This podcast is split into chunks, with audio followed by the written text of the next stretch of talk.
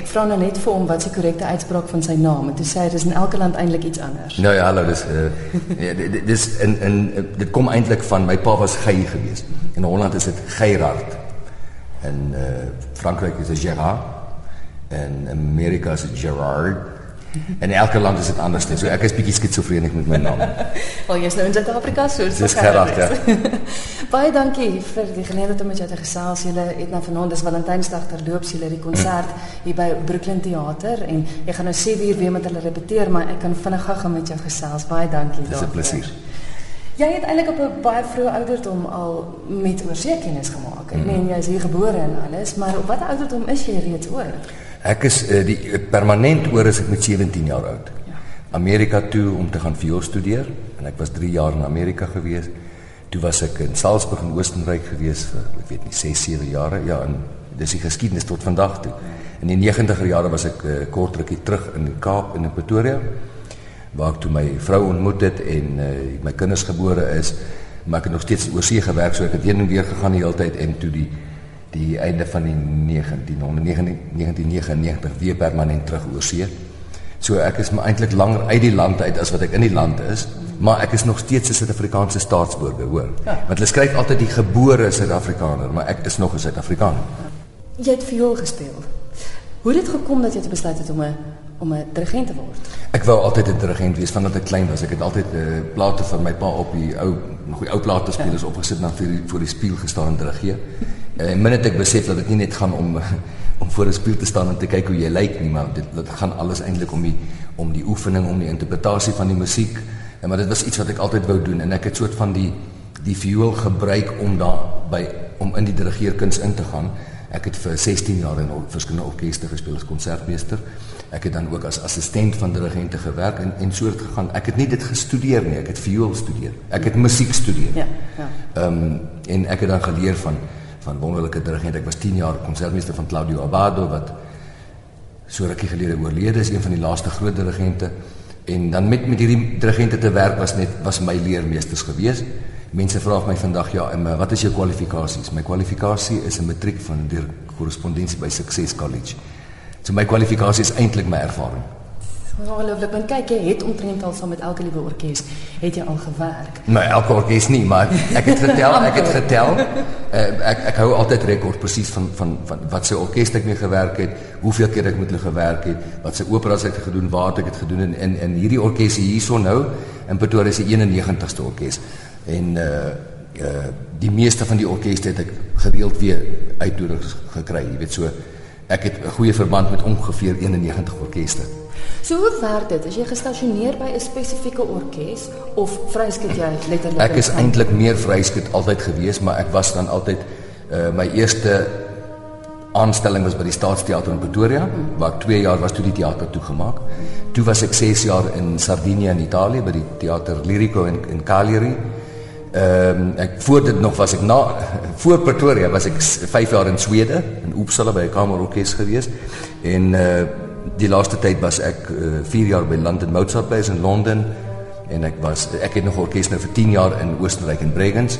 So vir, ek moet sê vir my is dit die die lekkerste om terug te kom na orkes wat ek ken. Mm. Jy weet jy dis soos wat jy met mense saamwerk in enige omgewing jy ken mekaar, jy weet mekaar se sterktepunte, swakpunte en so aan. Uh die vryskut moet ek sê na na 35 jaar is ek moeg daarvan want dis reis. Mense dink, "Ah, jy's op jy sien die wêreld, jy sien die wêreld, jy sien jy sien taksies, vlieg vliegtye, hotels, jy moet kos soek." Ehm um, en jy weet ek praat van die, ek gaan vir 2 weke Australië toe, dan kom ek terug dan ek in Oostenryk, dan vlieg ek Japan toe, dan kom ek dan kom ek Suid-Afrika toe.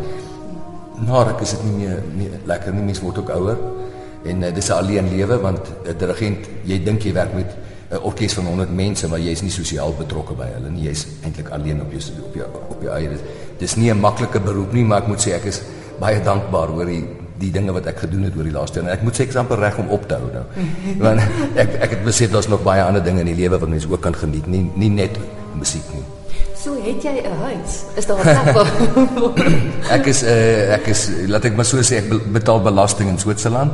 Ehm um, ek het 'n woonstel in Zurich. Uh, dan het my vrou het 'n huis. My vrou is van uh, Toscana, maar dis nou my tweede vrou. Is in uh, Toscane is Italiaans. So ons het die huis daarso. Mm -hmm. En as ons dan tyd het, is ons daar. En my twee dogters wat gebore is in Kaapstad, hulle is eerste taal Italiaans. Hulle woon uh, naby Milaan en uh, hulle kom dan ook na na Toscane as ek daar is of ek sien vir hulle, weet dis maar so in my vrye tyd is ek ook op die pad die hele tyd eintlik. Ja. Ongelooflik. Kyk ek moet sê, dis met meer as een persoon wat ek nou gepraat het en dis mense wat weet. Sê jy het die vermoë om 'n orkes na 'n hele nuwe vlak te neem. Ja. Hoekom? Hoekom dink jy is dit so? Weet uh, mense het my al baie keer dit gevra.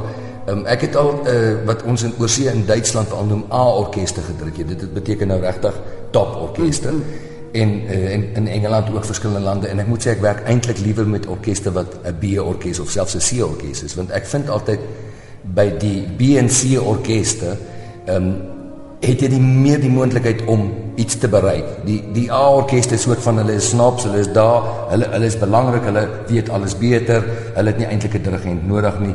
So soos byvoorbeeld die orkes hier so in Pretoria en dit is dis dis 'n orkes wat eintlik eers verlede jaar begin het. Ja. So jy weet, 'n orkes kan nie in 2 jaar ontwikkel in 'n in 'n super orkes nie. Maar jy sien die mense wil werk. Ek moet ontsettend hard werk aan tegniese. Jy weet, jy kan nie musiek maak sonder dat jy tegniek het nie. Soos van enige iets. 'n Kar kan nie sonder 'n engine ry nie. Ja. En en uh, ek dink ek het dit geleer oor die jare as konsertmeester in 'n orkes te speel. Ek weet hoe dit werk in die orkes. Ehm um, En natuurlik die grootste werk wat ek eintlik het is psigologiese werk. Ek is eintlik 'n psigiater, né? Want jy het te doen met mense se egos en jy het 'n uh, uh jy moet mense laat saamspeel as 'n een eenheid en as daar eene is wat 'n probleem is met 'n ego of so, dit kan 'n probleem in die orkes wees. So ek het oor die jare deur ervaring geleer na 20 minute van met 'n nuwe orkes weet ek klaar waar die probleme is met dit leer 'n mens, né? oor jare en uh ja, ek, ek vind ek ek kan dit goed doen met hierdie BNC orkeste dit hulle te bring op 'n op 'n standaard amper soos 'n A orkes. Mm. In Pretoria nou hierso dink ek dis 'n lang gaan nog 'n langer proses wees. Maar dit is so nice hierso want daar's sommige mense in die orkes wat wat kom ons sê maar amateur is. Dit is nou professors by die universiteit in ingenieurswese of argitektuur of wat ook al met wie ek in die laerskool was. Regtig, ek praat van van mense hier wat speel wat ek uh, ken van dat ek 6 jaar oud is. Sure. En om hulle weer hier te sien, jy weet dit is so wonderlik en dat hulle nog steeds lief is om musiek te speel. Ehm uh, dit is vir my belangriker as as alles anders toe, die die menslike deel daarvan. Ek kom uit 'n toneel agtergrond en jy kry altyd maar jou akteurs wat nie so hard werk soos die ander nie, wat nie noodwendig hulle woorde gehou genoeg ken daai tipe van ding. Gebeur dit ook dat dat orkes laat hiernatoe kom en nie noodwendig dalk so alles ken soos wat hy moet nie en is dit makliker vir hulle om om weggesteek te bly of vind jy vir hulle? Kan kan mens as jy met 'n orkes van hoeveel mense voor jou sit, hoor wie verkeerd speel? Maar jy kan dit sien. Kan um, ja, dis uh, natuurlik dit, dit hang af van mense is mense. En mens moet nie vergeet as jy met 'n orkes werk, het jy te doen met mense. Ehm um, mense soos ek nou net gesê het, die die uh, daar's mense wat werk as professors van in ander afdelings, uh, uh, argitekte, wat ook ja. al. En dis mense wat die hele dag werk en dan kom hulle aand oefening toe. Dit beteken hulle kan nie soos die jonger studente wat nie orkes speel oefen staan. Ja. Ehm um, maar dit is iets wat jy ook leer oor die jare ehm um, hoeveel jy moet druk, hoeveel hoeveel jy die die mense so van uitpiek en sê, "Hey, kyk wat jy doen daar asseblief." In die viool en die stryk afdeling is dit anderste want hulle is 'n groep.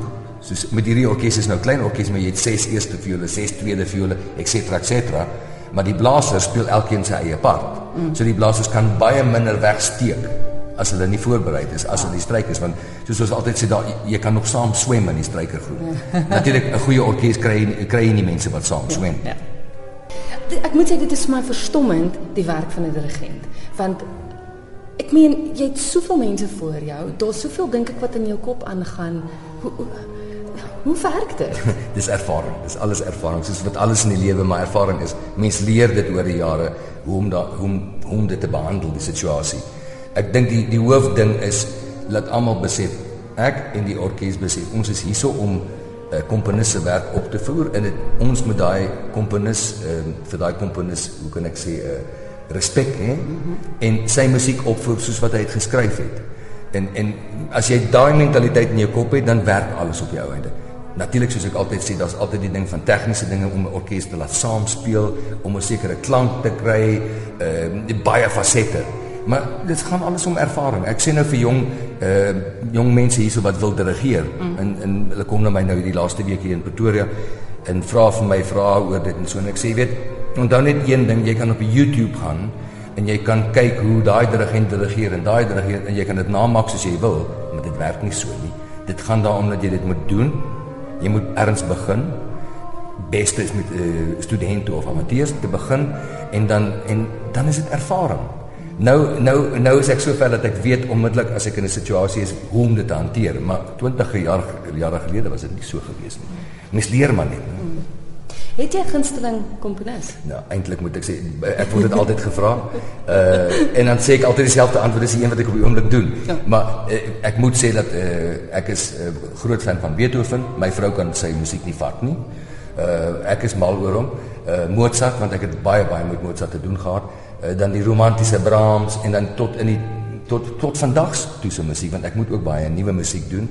Maar ek kan nie sê dat ek 'n gunsteling komponis het nie want daar is so van is wonderlike genie gewees wat wonderlike musiek geskryf het. Dat as jy daai stuk op die oomblik uh studeer en dan oefen met die orkes dan sê jy wel dit is op die oomblik my stuk wat ek die meeste van hou. Ja, dit was 'n geweldig baie omtrent in weer eens aan vir al die operahuise en konsertsale gewees oor see. Die luisteraars en ek was nog nie noodwendig daar nie. Geen net vir ons vinnig gou 'n blik van van die wêreld oor see wat wat teater en gehore en alles aanbetref. Jy moet onthou dat die die kultuur, ons kultuur wat nou die musiek aanbetref, kom van Wesel van Europa af, van van uh, honderde jare gelede. Ehm um, dit is na Suid-Afrika saamgebring gebring deur die mense wat gekom het, die Hollanders, die Engelanders en dan al die immigrante, die Franse, almal wat gekom het. Ek sê altyd vir die mense onthou net een ding hier in Suid-Afrika. Die gras is nie altyd groener aan die ander kant nie.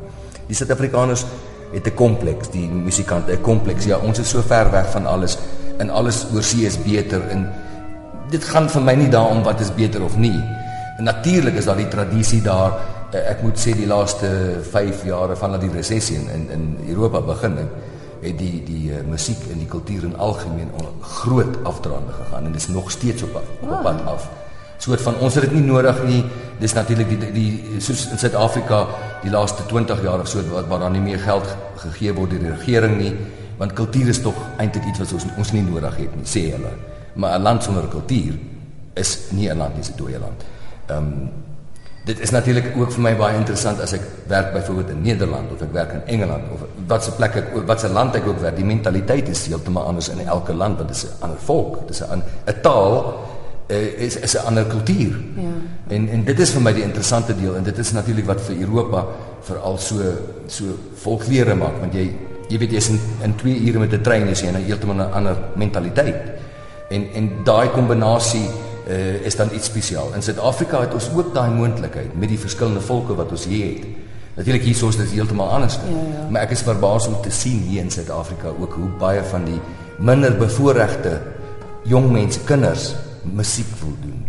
En en laat die idioote wat bo sit die nie kan besef hoe belangrik dit is vir die land en dit gaan nie om dat hierdie die jong mense en kinders moet musikante word nie, maar musiek is iets wat iets wat jong mense help om te leer konsentreer. Dit gee hulle iets om op te konsentreer. Dit gee dissipline en dit en hulle geniet dit. Dit gee hulle harte iets ook. En uh dit is iets wat ek hierso uh gesien het wat besig is om te ontwikkel. In Europa is dit besig om 'n ander manier te gaan. Dit gaan af. Hulle sê ons het dit nie meer nodig nie. Uh daar's nie geld daarvoor nie en dit is baie treurig om dit te sien.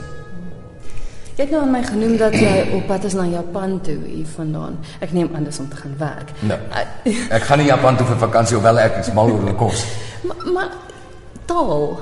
Is dit nie 'n probleem as mens in vreemde Dis eintlik nie taal jy het die uh, een taal Engels wat eintlik oral gespreek word. Ek praat vyf tale.